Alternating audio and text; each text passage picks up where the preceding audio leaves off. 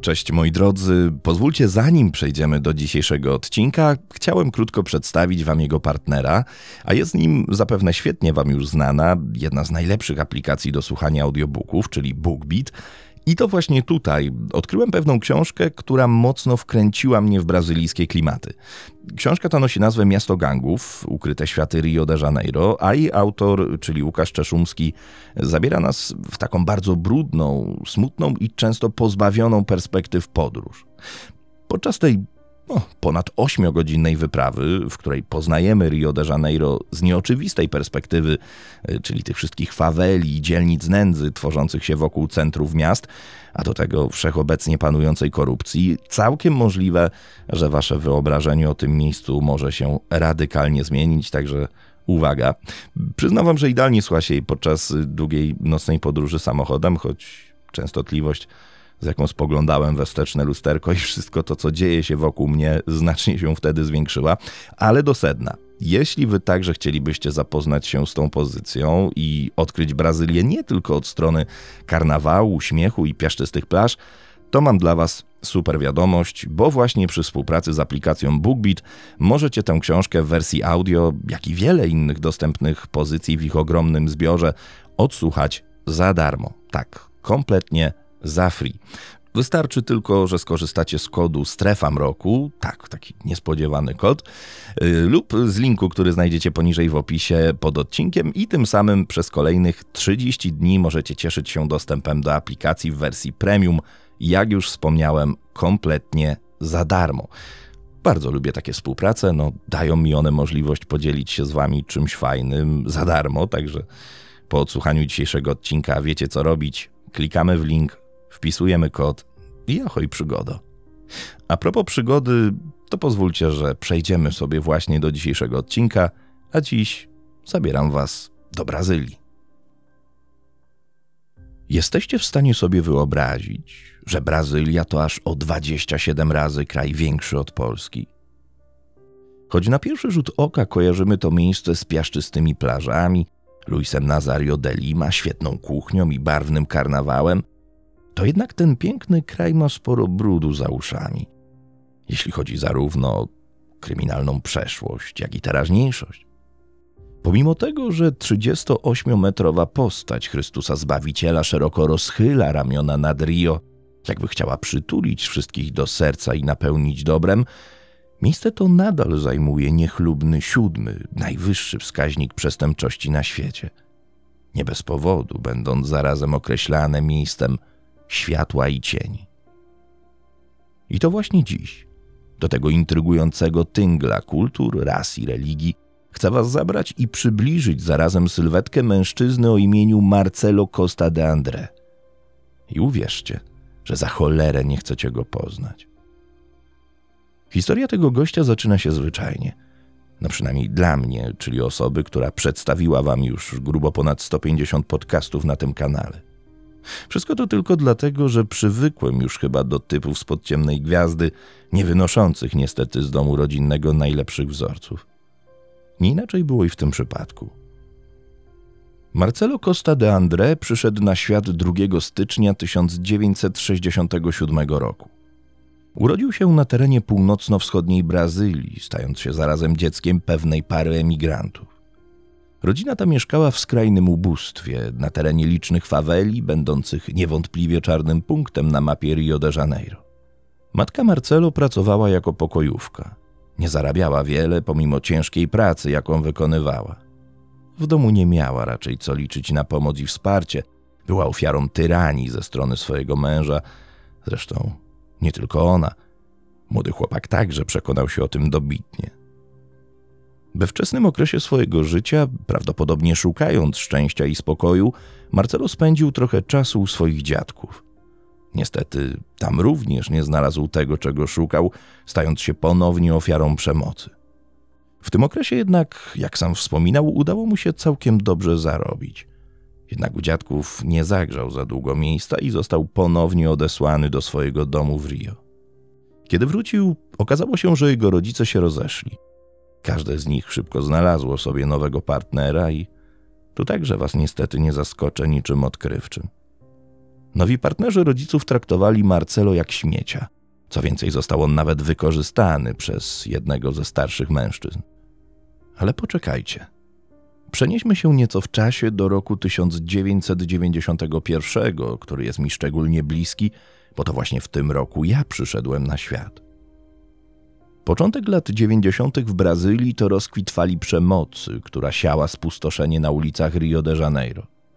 Wiele bezdomnych dzieci padało wtedy ofiarą bezwzględnych zwyrodnialców, a państwo jakoś nic sobie z tego nie robiło. Świadczy choćby o tym fakt, że miasto nie prowadziło żadnych banków danych, w których mogliby zbierać i analizować sytuacje znikających bez śladu dzieci lub tych odnalezionych, a będących już niestety po drugiej stronie tego świata. Pod koniec 1991 roku śledczy pracujący dla Wydziału Kryminalnego w Rio de Janeiro postanowili nieco bardziej pochylić się nad kilkoma sprawami związanymi z coraz to częściej odkrywanymi zwłokami nastoletnich chłopców, jakie lokalizowane były na terenie miasta i pobliskich rzek.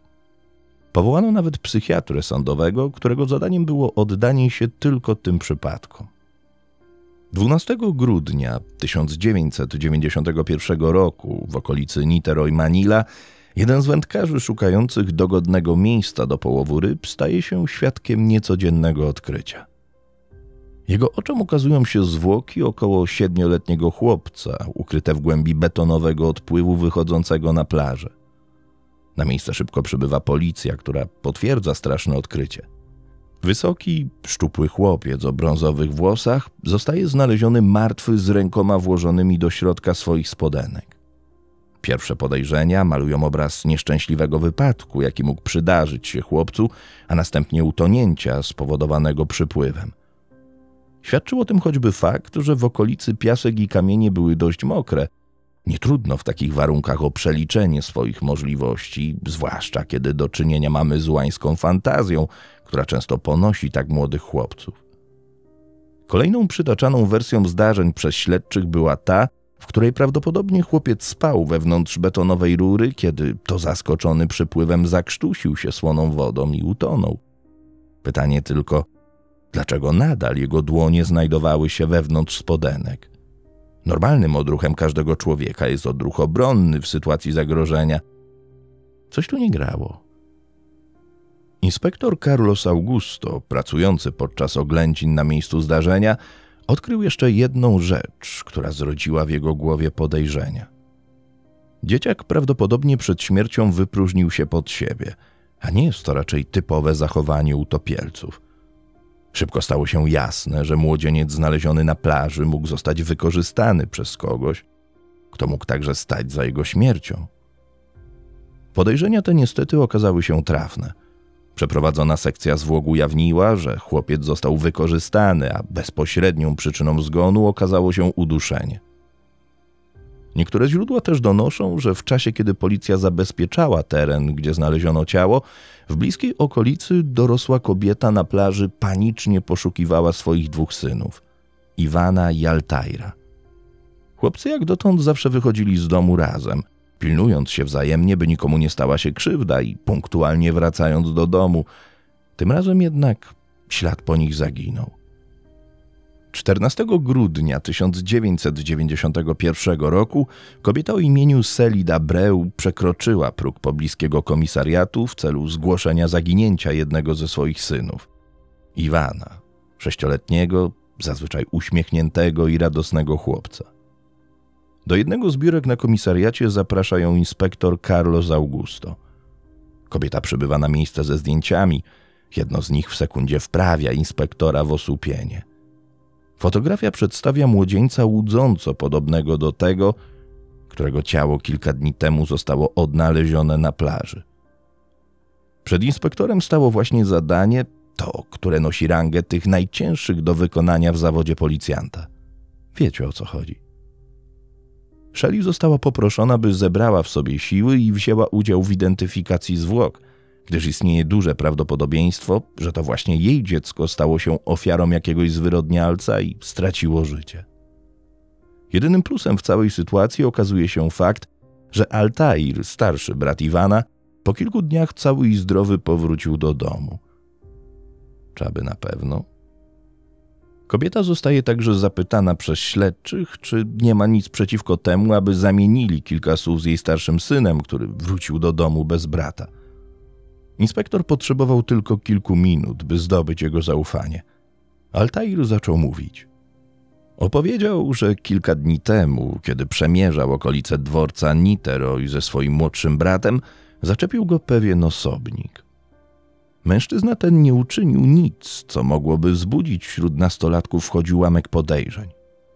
Z ust Marcelo de André, bo to właśnie nim okazał się tajemniczy jegomość, padła dość intratna propozycja, jaką złożył w kierunku chłopców.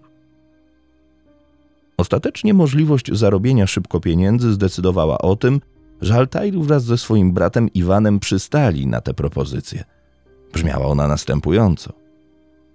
Proponuję wam około 4 tysięcy w zamian za pomoc w zorganizowaniu i przeprowadzeniu pewnego rytuału religijnego. Brazylijczycy są narodem mocno religijnym. Aż 70% z nich wyznaje katolicyzm brazylijski, a dzieci od najmłodszych lat przeważnie już są wtajemniczane w schematy wiary. Zdarza się jednak, że tuż po powrocie z kościoła czy pielgrzymki udają się na spotkanie spirytualistyczne, korzystają z pomocy szamanów lub dają sobie wróżyć z najróżniejszych przedmiotów. Tym razem zadanie było dość proste. Bracia mieli tylko wspomóc Marcelo w odpaleniu kilku świec na plaży. Chwilę później cała trójka siedziała w autobusie, a opuściła go na plaży przy obrzeżach Barretto. Stąpając już po piasku, Andre nagle wykonał niespodziewany ruch. Spróbował pocałować z nienacka Altaira. Zdezorientowany i spanikowany chłopiec próbował uciec, ale został schwytany i zdecydowanym ruchem powalony na ziemię.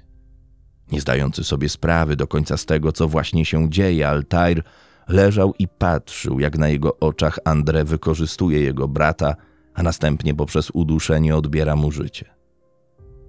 Marcelo zaraz po wszystkim skierował do przerażonego chłopca następujące słowa: Twój brat tylko śpi. Jak łatwo się domyśleć, stwierdzenie to dalekie było od prawdy. Iwan nie żył. Altair nie miał w sobie na tyle siły lub odwagi, by spróbować uwolnić się spod szpon szaleńca, dlatego uznał, że najlepszą linią obrony, którą może wykorzystać, będzie posłuszeństwo i pokorne wykonywanie jego poleceń – jeśli nie chce oczywiście podzielić losu brata. Marcelo miał jednak w stosunku co do niego inne plany. Postanowił zabrać chłopca na pobliską stację benzynową, gdzie przy okazji zadbał o jego ranę głowy, która powstała wskutek szamotaniny. Pozwoliło to chłopcu choć na chwilę snuć przypuszczenie, że Marcelo nie okaże się tym, na kogo już teraz wyglądał. Niestety tej nocy młodziutki Altair został wielokrotnie wykorzystany przez Marcelo de André na terenie gęstych chaszczy znajdujących się w bliskiej okolicy stacji benzynowej. O poranku następnego dnia Marcelo wpadł na pomysł, aby zaciągnąć Altaira do swojej pracy. Polegała ona na dystrybucji ulotek na terenie jednego z centrów handlowych znajdujących się w Rio de Janeiro. Chłopiec nadal posłusznie wykonywał powierzone mu zadania, co uśpiło nieco czujność de André. Wtedy to sprytnie wykorzystał ten moment nieuwagi, a przy tym nadarzającą się okazję i uciekł co sił w nogach. Jedyny słuszny kierunek, który mógł obrać, to oczywiście dom i ramiona swojej matki, które ochoczo wyczekiwały jego powrotu. Tak też się stało. Będąc już w domu, jednak nie przyznał się jej, co tak naprawdę go spotkało – nie wspomniał nic o uprowadzeniu ani o tym, że jego brat nie żyje. Niestety tego samego dnia kolejne zwłoki innego nastolatka, który również został wykorzystany i uduszony, zostały odkryte przez policję na terenie obrzeży miasta. Śledczy mieli w tym momencie dwójkę dzieciaków, którzy pomimo swojego młodego wieku pożegnali się z tym światem we wręcz identycznych okolicznościach, jakimi okazały się gwałt i uduszenie. Kiedy już Altair wyznał prawdę na komisariacie, szybko powołana specjalna grupa policjantów wraz z nim rozpoczęła patrolowanie okolic w poszukiwaniu Marcelo. 18 grudnia podczas poszukiwań policjanci przemierzający ulicę Copacabana natrafili na ulotki porozrzucane po ulicy.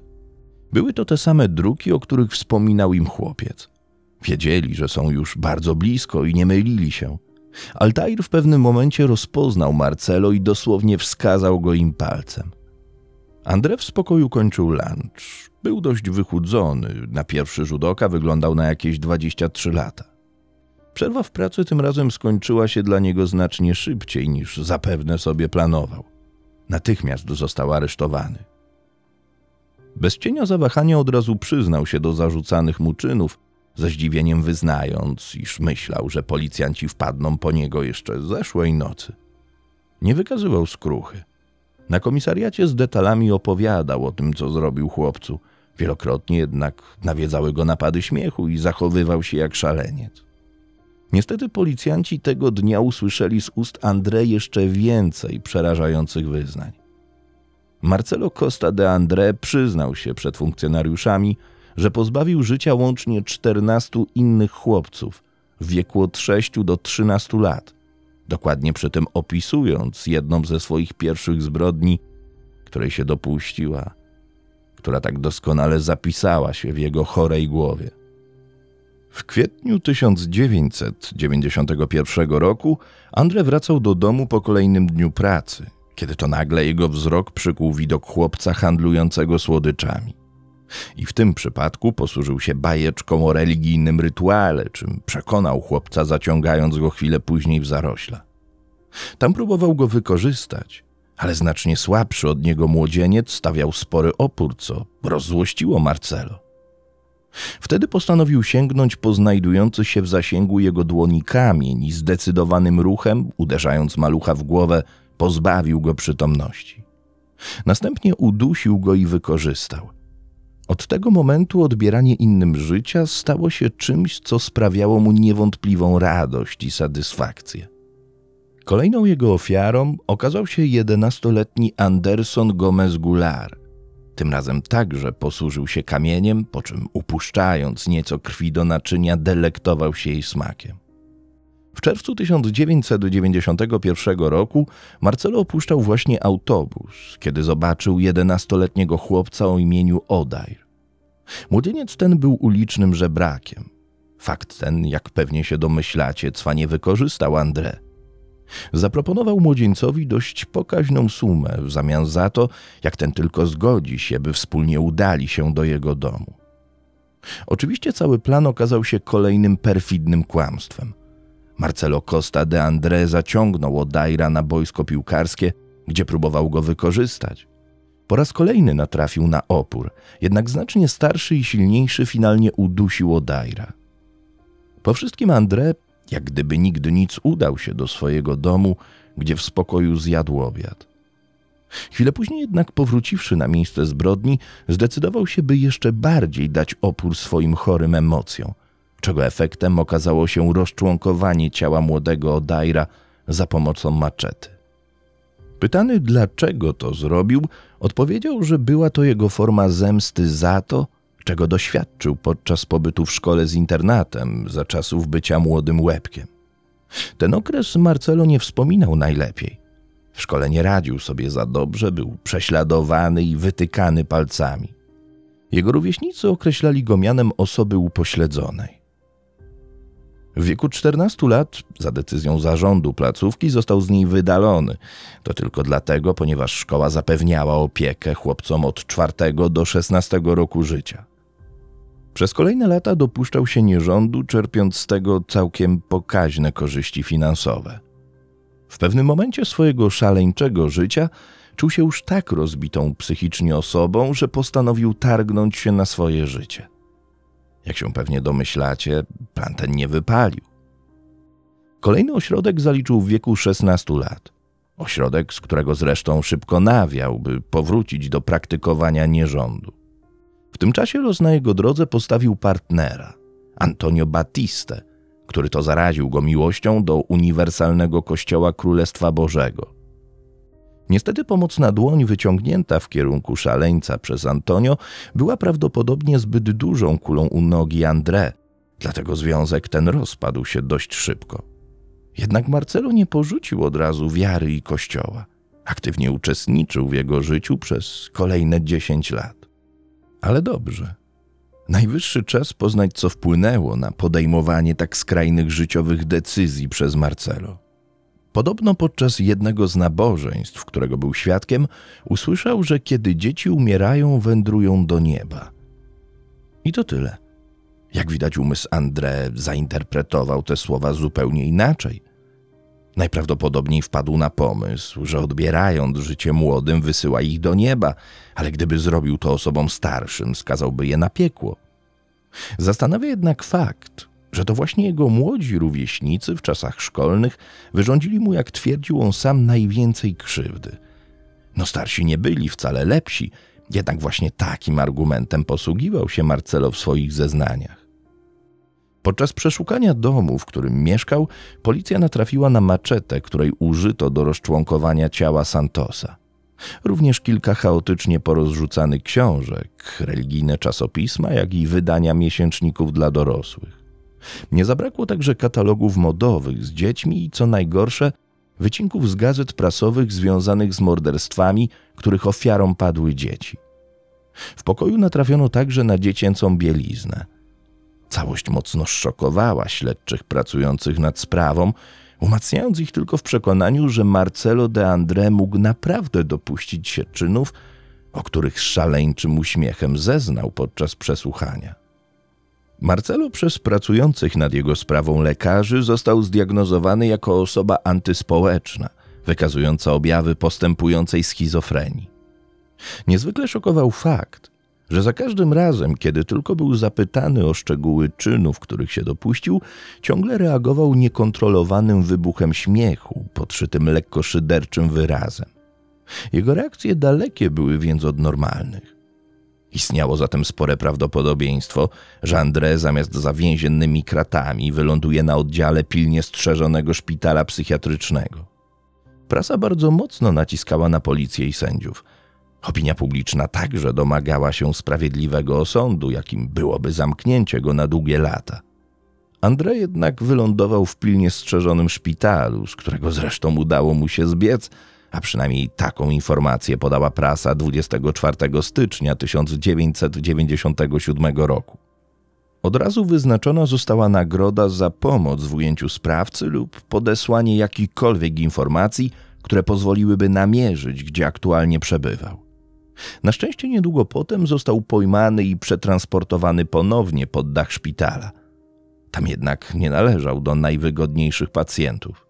Był agresywny w stosunku do innych osadzonych i miawał częste ataki niekontrolowanego wybuchu gniewu, podczas których zazwyczaj wrzeszczał w niebogłosy.